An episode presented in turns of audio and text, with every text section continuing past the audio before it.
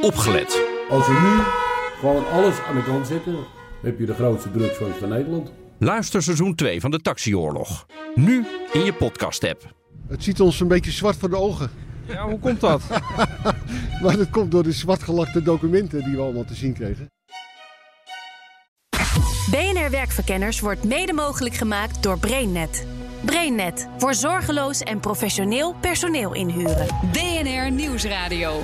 Werkverkenners. Rens de Jong. Zelf je eigen baan samenstellen. Dat lijkt natuurlijk heerlijk, maar ook wel een beetje een utopie. En toch doen we het stiekem allemaal wel een beetje. Een taak aan een collega geven en er een taak voor terugkrijgen die je beter ligt. En dat kan je zo ver doorvoeren dat je, als het aan een van mijn gasten ligt, je niet meer moet uitgaan van een vacature. Deze uitzending gaat over jobcrafting. En de vraag is dan: hoe zorg je dat al het werk gebeurt als je collega's gaan shoppen in takenpakketten? Nou, eerst moet je weten wat dat nou precies is, jobcrafting.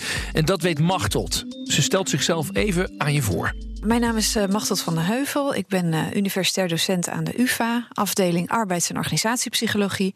En daarnaast werk ik voor mezelf bij mijn kleine bedrijfje Art of Work Utrecht.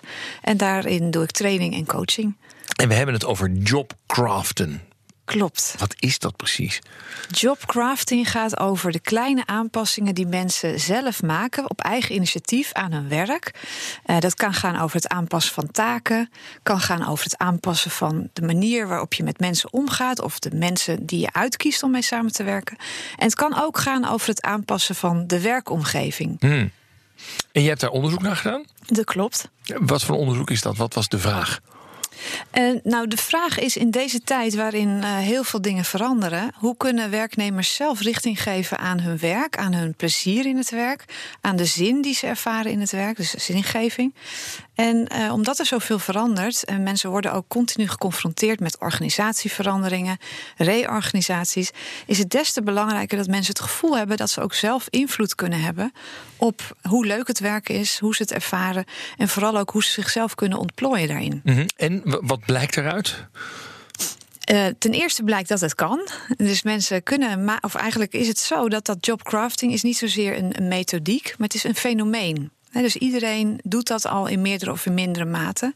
Mensen zijn doelgerichte wezens. En mensen zijn ook op zoek naar het ontwikkelen van zichzelf. En ook het creëren van een fit tussen wie zij zijn, wat hun talenten zijn. en uh, hoe het werk eruit ziet. Dus wat Mhm. ze kunnen neerzetten via hun werk. Ja, dus mensen zijn het al aan het doen. Zijn, zijn er ook eh, getallen op te plakken? Er zijn zoveel procent van de bedrijven kunnen mensen dit allemaal doen? Of was het Nou, meer dat is- kwalitatief wat je aan het, onderzoeken Eh, nee, nee, mijn onderzoek is meestal eh kwalitatief kwantitatief, Mhm. inderdaad. Eh, het onderzoek is eigenlijk begonnen, of dat fenomeen jobcrafting is begonnen in, in Amerika, of is opgemerkt in, door Amerikaanse onderzoekers. En ehm, daarin werd gezegd van mensen doen dat van nature. En het is moeilijk om daar cijfers op te plakken. Eh, wat we wel zien is dat, dat mensen nog heel veel kunnen leren van elkaar. En ook van wat we weten uit de wetenschap. Over wat, kan, en wat doe ik al wel, wat doe ik nog niet. En wat kan ik daarin eh, verder ontwikkelen, of wat wil ik daarmee. Ja, ehm, is, het, is het van, want je zegt eh, het is opgemerkt door Amerikaanse onderzoekers. Mhm. Ik dacht bij mezelf, maar dit is toch wat we al eeuwen doen. Dat je denkt, ja, dit is een baan, maar als ik een beetje tweak, dan kan ik het beter doen of dan past mij dit beter. Is dit echt zo van de laatste tijd dan? Nee, wat je zegt klopt. Dus mensen doen dit. En, eh, maar mensen verschillen in de mate waarin ze dat doen. Hm? En ook het bewustzijn over wat ze zouden kunnen doen. Dus wat je ziet als mensen bij een organisatie gaan werken, dan heb je zo'n proces van het wennen aan de organisatie en de socialisatie. En eh, daarin vergeten mensen wel eens van hé, hey, ik kan ook nieuwe dingen uitproberen. En komen er allerlei normen en, en impliciete aannames, waardoor ze zichzelf minder vrijheid geven om dingen uit te proberen. En waardoor, ze ook soms een blinde vlek ontwikkelen in het hè, waar zit mijn vrijheid, waar zit mijn ruimte om invloed te hebben. Mijn andere gast heeft geleerd om die vrijheid te voelen. Want hoewel Machteld het heeft over kleine aanpassingen, mijn gast Carolien Meijer heeft haar hele baan bij elkaar gecraft. Ze werkt bij Bronkhorst. Bronkhorst is een producent van flowmeters en regelaars. Zegt niet zoveel, maar zijn technische producten die worden gebruikt voor Ehm, onder andere stents bijvoorbeeld in je lichaam, medicatie op doen, maar eh, daarop doseren. Maar ook ehm Google-ballonnen daar gas in laten floten. Ehm, sportwagens testen. eh, water zorgen dat het gezond blijft voor de mens. Dus eigenlijk overal waar gas en chemicaliën doorheen gaan. En dat is bijna in alles wordt wel een flowmeter gebruikt. Oké, en, daar, en daar, wat doe jij precies daar? Ik ben strategisch marketingmanager. Dus ik kijk naar eh, wat gebeurt er bij onze klanten. Welke trends spelen zij op in? En hoe moeten wij daarop inspelen door te zorgen dat ze ook in de toekomst eigenlijk de juiste producten hebben. Ja, ehm, jij bent geïnteresseerd geraakt in jobcraften, toch? Ja, ik heb eh, eigenlijk, dat is naar aanleiding van mijn vorige baan. Ehm, dat was een, eh, een organisatie in ontwikkeling. En daarin ben ik eh, zelf ook enorm ontwikkeld in mijn eh, carrière. Maar ook een beetje eh, wildgroei is, heeft daar plaatsgevonden. Dus ik deed op een gegeven moment productmanagement, marketing. ehm, ik deed mergers and acquisitions en noem het maar op. Ik reisde de hele wereld over de hele week. Dus heel veel. Dus veel in Azië, veel in Amerika. En op een gegeven moment, toen deed ik ook nog sales in Europa. En toen dacht ik, nou, is dit eigenlijk wel wie ik ben en wie ik wil zijn? Dus toen heb ik een, eh, een coachingstraject ben ik ingegaan bij eh, Marlene Langbroek. En zij heeft me eigenlijk geleerd heel erg naar jezelf te kijken. En waar- wie ben je, waar ben je goed in?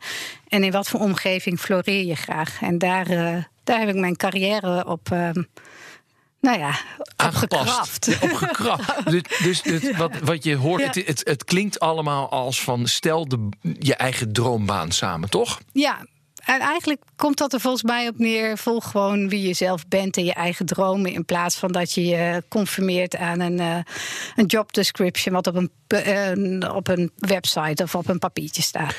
Nou, klinkt ideaal en inderdaad een utopie. Ik vroeg Carolien hoe ze ermee begonnen is. En dat is al een paar jaar geleden. Hoe begin je daarin? Nou, dan ga je gewoon naar een handlezer en die vertelt je precies wat je moet doen, natuurlijk. Maar deze werkt Nee, maar niet. mensen weten volgens Ja. mij helemaal niet zo heel goed hoe dat werkt. hoe dat werkt. En ook niet wat ze nou echt leuk vinden. Nee, waar het gewoon, eh, hoe het bij mij is gegaan, en volgens mij zijn daar heel veel methoden van, maar ik voel mij heel comfortabel bij een vrij analytisch proces, wat ik zelf ook begrijp. En waar ik zelf invloed op heb. Dus in dit geval, eh, wat Marlijne mij leerde, is heel veel verhalen schrijven over mijn hele jeugd, over mijn hele leven eigenlijk. Waarin centraal stond van ehm, ervaringen waar ik heel trots op was, of waar ik heel veel energie uit kreeg. En daarin, die beschreef ik. Geef eens voorbeelden. Ehm, ehm, oh god, het is al een hele tijd dat ik ze allemaal. Maar bijvoorbeeld, als ik nu kijk, ik heb een, een, team, een zelfsturend team samengesteld. wat ehm, in een bestaande organisatie nieuw is neergezet. maar wat heel veel aansluiting vindt in de organisatie. Door de manier waarop we. ehm, nou ja, waardoor we ons echt eh, waarde toevoegen aan het proces. Nou, daar ben ik heel trots op. En dat, hoe dat gebeurd is, zou ik een verhaal over kunnen schrijven. En dat hebben we samen met andere collega-cursisten geanalyseerd. En daar eigenlijk, doordat ik heel veel van dat soort verhalen over mijn hele leven heb geschreven. ehm, kreeg ik uit die analyses, kreeg ik, die analyses werden op een soort creditcardje, kwam dan te staan. Wat is mijn kwaliteit? Waar had ik dat laten zien? Heel, nou, heel eh, analytisch. Ja. En daar kreeg ik stapels creditkaartjes zeg maar, vanuit. En die hebben geclusterd. En dan kwam ik terug op eigenlijk maar zes kwaliteiten die ik bezit. Dus dat was eigenlijk helemaal niet zoveel. Maar die ik ook mijn hele leven al meedraag en gebruik. Alleen wel verder ontwikkel, in nieuwe situaties kan zetten. En dat is eigenlijk het fundament voor eh, wie ik ben en waar ik ook wil, bij wil blijven. En, en wat het is allemaal dingen die je zelf, van, waarvan je zelf zegt, daar was ik succesvol in en daar was ik goed in. ja. Maar als je alleen maar pakt wat je altijd al deed, dan blijf je altijd dat doen wat je altijd hebt gedaan, nee, toch? nee, nee, want je, eh, het gaat erom dat het, het gaat niet om eh, het wat, Mhm. maar het gaat meer om waarom, denk ik. Dus dat je, eh, ehm, waarom doe je dingen, zeg maar? Dat komt omdat je intrinsiek iets, eh, iets kan. Je kunt heel goed organiseren, maar wanneer je organiseert, dat kan in honderdduizend verschillende settings. Dus wat we, eh, maar daar bleef het niet bij. Ik moest ook allerlei mensen interviewen om mij heen, wat ze van mij vinden en wat zij als kwaliteiten om mij heen zagen. Een hele profiel gemaakt van wat voor mensen vind ik leuk om me, om me heen te hebben en wat voor omgeving hoort daarbij. Ehm, nou, en dat alles samen, zo'n hele berg met eh, data bijna. Ja. Daar, uh, daar kwam dan uh, kwam iets, uit. Ja. Dus op een gegeven moment heb jij dus vanuit al die verhalen en al die feedback van anderen, heb je een soort beeld van jezelf van Ja. dit ben ik. Toch? Ja, dit wil ik zijn. Dit misschien wil wel. ik zijn, ja, ja. of dit ben ik. Ja, ja. En vind daar nou eens een baan op. Nou, en dat, dat was ook heel leuk. Wat ik geleerd had, is dat je nooit moet solliciteren op een vacature. Want die is geschreven vanuit een organisatie, maar niet vanuit wie jij bent. Dus wat eh, de tip was, ga via je netwerk. En die is eigenlijk altijd best wel heel groot. Als je een beetje op LinkedIn of weet ik veel wat bent. Ga eens gewoon koffie drinken bij al die bedrijven die jou leuk lijkt. Dus ga zelf scouten. is weer werken, hè?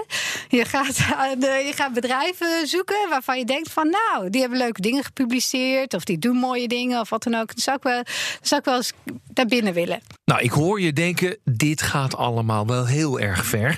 Maar volgens Machteld zien werknemers ook niet altijd de ruimte die ze gewoon wel hebben. Dus je moet denken, in het verleden een collega die eh, ehm, werd gevraagd om naar een congres te gaan. En daar had zij nare dingen over gehoord. En zij eh, heeft gewoon aangegeven, nou, ik, ga daar, ik kies ervoor om daar niet heen te gaan. Ja. En hoe dat eh, bij mij en sommige van mijn collega's landen van... Huh, oh, blijkbaar kan je daar dus iets... Kun je gewoon- kun je gewoon niet zeggen, gaan, ja. Kun je gewoon nee zeggen. Ja. Dus dat- dan loop je tegen je eigen ideeën aan... over wat is acceptabel, wat is niet acceptabel. En de onderliggende eh, oplossing daarin is natuurlijk altijd... dat je je uitspreekt over wat zijn je behoeften... eh, wat is mogelijk, wat is niet mogelijk. En dat je dat gesprek ook aangaat met collega's en leidinggevenden. Nou, en als je nou die leidinggevende bent, hoe zorg je ervoor dat je team die vrijheid voelt? Dat hoor je zo meteen.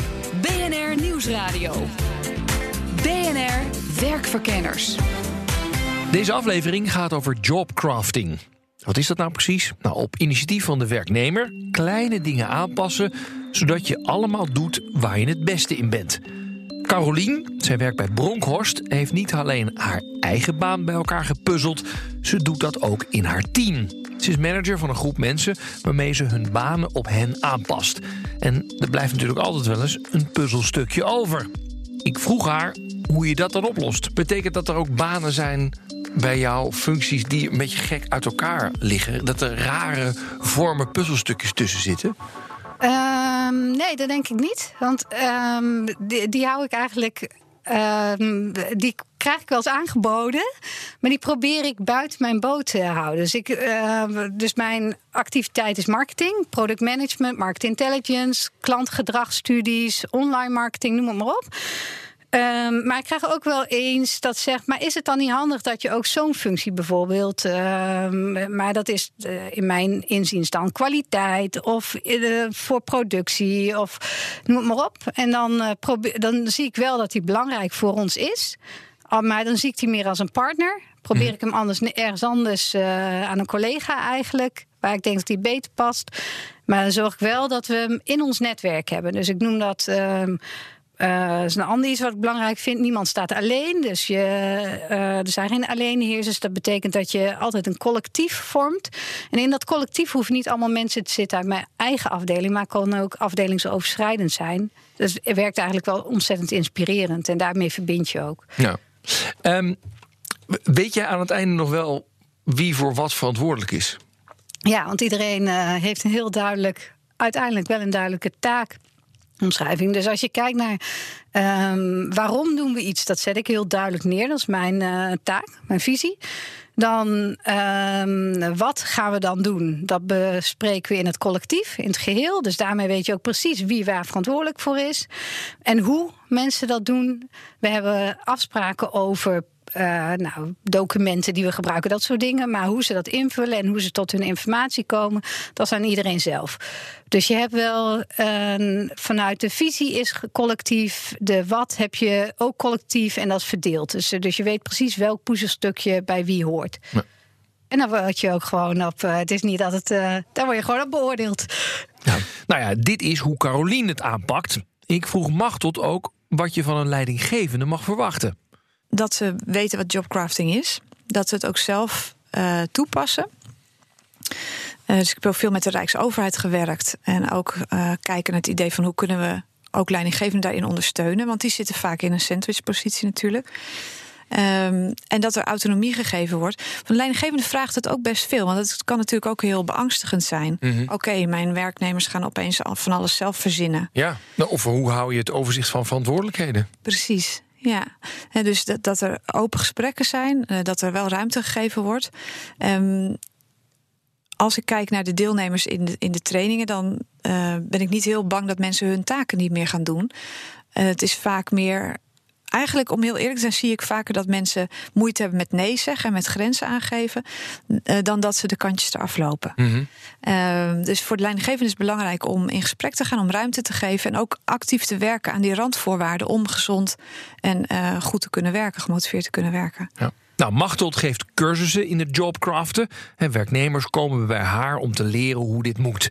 En dit is hoe ze het aanpakt. Wat we gedaan hebben is een, een, eh, een format eh, gemaakt. Dus een één dag training, groepstraining. Want een heel belangrijk element in die training is ook dat mensen naar elkaar luisteren, van elkaar leren. En daardoor ook hun bewustzijn vergroten over hoe gaat het bij andere organisaties, wat doen andere werknemers, wat wil ik daarmee. Dus dat is één element. Het andere element is dat wij ze een model aanbieden vanuit de wetenschap. Het Job Demands Resources model. Dat gaat over elementen in de werkomgeving die energie geven. Uh, je helpen om je doelen te bereiken. Um, en je ook helpen om met uitdagingen om te gaan, of met de lastige aspecten van de werkomgeving om te gaan. En aan de hand van dat model gaan mensen hun eigen werkomgeving in kaart brengen. Mhm. En wordt voor hen dus ook duidelijk in dat reflectieproces van hé, hey, hier wil ik iets aan sleutelen. Nou, tijdens dit traject moet je twee dingen in kaart brengen. Te beginnen met je hulpbronnen. Dan moet je denken aan dingen als steun ervaren van collega's, leidinggevenden, waardering ervaren. In je werk kan natuurlijk ook van klanten komen of cliënten. Um, het kan gaan over ontwikkelingsmogelijkheden, dus stappen kunnen maken via je werk. Bijvoorbeeld ook de ruimte hebben uh, om een, een, andere rol op te pakken binnen de organisatie. En al die vragen moet je als individuele werknemer invullen. Van waar Krijg, waar heb jij ruimte? Waar wil je heen? Waar krijg je energie van? Dat soort dingen? Ja, nou, hoe we het in de training doen, is dat we mensen na laten denken eerst zelf over wat zijn die aspecten waar je energie van krijgt. Mm -hmm. En natuurlijk hebben we dan een heleboel voorde- uh, voorbeelden Mhm. mm -hmm. daarover. Dus voorbeelden van die job resource, van die werkhulpbronnen. En uh, het model gaat er eigenlijk van uit dat iedere werkomgeving uniek is in de specifieke uh, hulpbronnen die er zijn. Ja, maar maak het eens concreet. Wat zijn dan hulpbronnen? Hier bij de radio, wat zouden dan hulpbronnen zijn voor nou, mij? Nou, bijvoorbeeld, he, wat je net schetste, dat, dat je in, in dit programma de, de ruimte krijgt om de diepte in te gaan, ja. op een andere manier te kijken. En dat is dan een ontwikkelingsmogelijkheid die je hebt. Oh ja, oké. Okay. Ja. En dat schrijf ik dan op. Zo van, dit vind ik leuk hier, omdat ik een keer de diepte in kan gaan. En dat vind ja, ik leuk. Maar, en, maar, maar misschien zijn er ook, dat is dus meer een soort informele, maar misschien zijn er ook formele ontwikkelingsmogelijkheden. Dus ontwikkelingsmogelijkheden om um, een cursus te doen of een opleiding te doen via mm -hmm. je werk. Ja. En dat soort dingen. Um, andere uh, hulpbron is bijvoorbeeld steun die je krijgt van collega's. Als het even tegen zit, heb je iemand uh, die je helpt. Maar ook heb je iemand die je gewoon praktisch helpt met taken. Ja, dus dat schrijf ik dan allemaal op als individuele werknemer. Ja. En dan, wat doe ik daar dan mee? En nou, je hebt dan, wat daar tegenover staat, is alle eisen die aan je gesteld worden. Oh ja. En dat kunnen dingen zijn die je uh, verhinderen om je werk goed te doen. He, bijvoorbeeld bureaucratie of uh, apparatuur die niet werkt uh, of conflicten. Oh ja. Um, maar het kunnen ook uitdagende eisen zijn. He, dus nieuwe projecten, dingen die wel energie kosten, maar waar je ook positieve emoties door ervaart. En die twee dingen, het liefst heb je die een beetje in balans. Ja. En ook als er voldoende hulpbronnen zijn, dus je hebt steun om zo'n nieuw, spannend, uitdagend project op te pakken, dan leidt het vooral tot uh, wat we noemen uh, werkbevlogenheid. Oké, okay, dus, dus je vult eigenlijk een twee kanten van de balans vul je in. Ja. En dan ga je opeens kijken van oké, okay, en kan ik hier betere balans in krijgen? Klopt. Ja, en vaak zit hem dat in uh, dat je dus op zoek gaat naar de hulpbronnen die je nodig hebt. Ja, om, om te kunnen voldoen aan taakeisen of om nieuwe uh, projecten op te pakken, ja, ja. nieuwe richtingen in te dus, slaan. Uh, dan is het zo dat ik eigenlijk wel energie heb om iets nieuws te doen, maar het voelt alsof ik daar veel te veel toestemming voor moet vragen. En dat belemmert mij dan. Ik zeg Ja. maar wat. Dan heb ik dat opgeschreven en dan krijg ik handvatten om eens even ga nou eens even kijken of het. Heb je echt die toestemming nodig? Of hoe werkt zoiets? Ja, klopt. Dus dan, kijk, in de training, wat je precies gaat doen, omdat het zo'n zelfgestuurd proces is, bedenkt iedereen in de training zijn eigen doelen. Mhm. En dus je gaat nadenken, oké, ik zie die disbalans. Hè. Ik, ik, ik doe heel veel dingen bijvoorbeeld alleen. En ik wil eigenlijk meer advies of meer informatie om mijn werk goed te kunnen doen. En dan ga je in de training ga je, uh, nadenken over wat kan ik nou de komende vier weken gaan doen. Kleine stap uitproberen om te zorgen dat ik de steun of het advies wat ik nodig heb kan krijgen. Ja, ja. Zonder dat je dus dat aan je baas hoeft te vragen wat dan ook. Je moet gewoon zelf even kijken.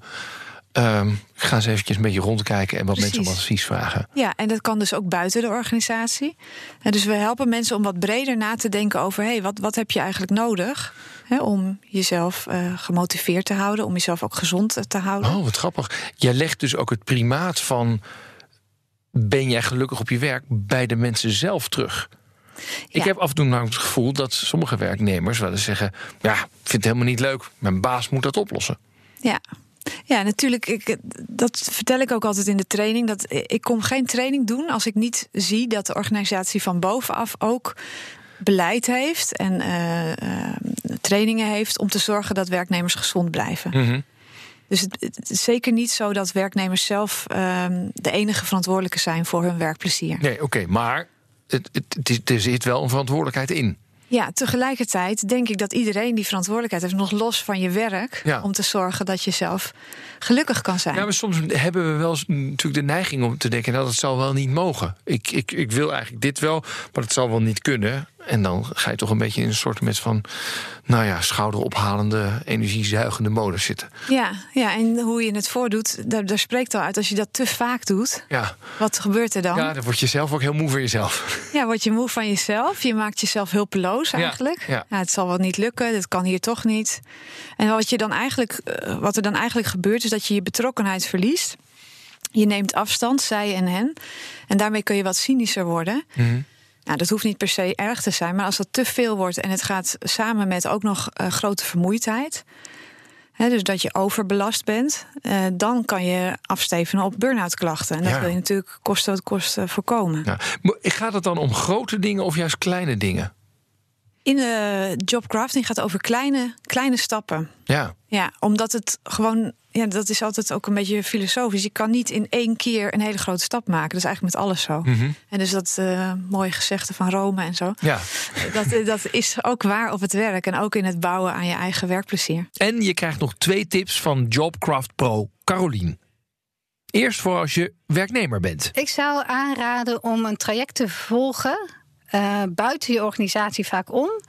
Waarin je op zoektocht gaat. Als een soort van. Uh, waarin je gaat leren uh, wie je zelf bent en wat, je, wat dat betekent voor jouw carrière, wat je daarmee wil. Nou, en ik zou ook daarin adviseren om ruimte te zoeken om te experimenteren. Dus heel vaak denk je wel iets, maar weet je het niet echt. Maar probeer het gewoon en dan zie je wel waar je terecht komt. Als je niks doet, kun je er alleen maar over dromen en Maar probeer het gewoon eens, probeer eens een baan, bedoel je? Probeer eens, of binnen je baan, zeg maar, ruimte te creëren... om een bepaalde kwaliteit van je te kijken of je die echt wel hebt... en of je er comfortabel bij voelt en zo. Mm Oké. Dus het mag radicaal, maar het kan ook gewoon heel klein. Ja, nou heb je meegeschreven. En dan de werkgever. Mijn tip is dat je heel dicht, eh, dat je gewoon goed kijkt naar met wie je werkt. En um, zelf heel veel verantwoordelijkheid draagt om je het waarom, zeg maar, dus je visie krachtig neer te durven te zetten en mensen daar aan te laten sluiten over te communiceren. Maar uh, werk vanuit de mens. Dus uh, zeg ook wel culture eat strategy en zo. En daar geloof ik ook heilig in. Dat op het moment dat je, dat je investeert in je medewerkers, dat je ze leerruimte biedt, dat je ze af en toe iets wils laat doen, uh, waardoor, je, waardoor ze zelf een ervaring opdoen, waardoor je ze meeneemt in je eigen, eigen leren en noem het maar op. Dus je daarover gewoon goed communiceert, maar altijd vanuit die mensen en daar, vanuit daar een collectief bouwt en vanuit daar je strategie bijna neerzet, dat je als organisatie veel verder komt dan dat je gewoon vanuit top-down uh, iets neerzet. Nou, er is werk aan de winkel, dat is wel duidelijk. Dit was BNR Werkverkenners voor deze week. Alle afleveringen kun je vinden in jouw favoriete podcast-app. En op de radio krijg je natuurlijk weer een verse. Dinsdag om half vier. Tot dan. BNR Werkverkenners wordt mede mogelijk gemaakt door BrainNet. BrainNet voor zorgeloos en professioneel personeel inhuren. Ook Thomas van Zeil vind je in de BNR-app. Je kunt live naar mij luisteren in Zaken doen. De BNR-app met breaking news. Het laatste zakelijke nieuws. En je vindt er alle BNR-podcasts. Bijvoorbeeld Het Nieuwe Geld. Download nu de gratis BNR-app en blijf scherp.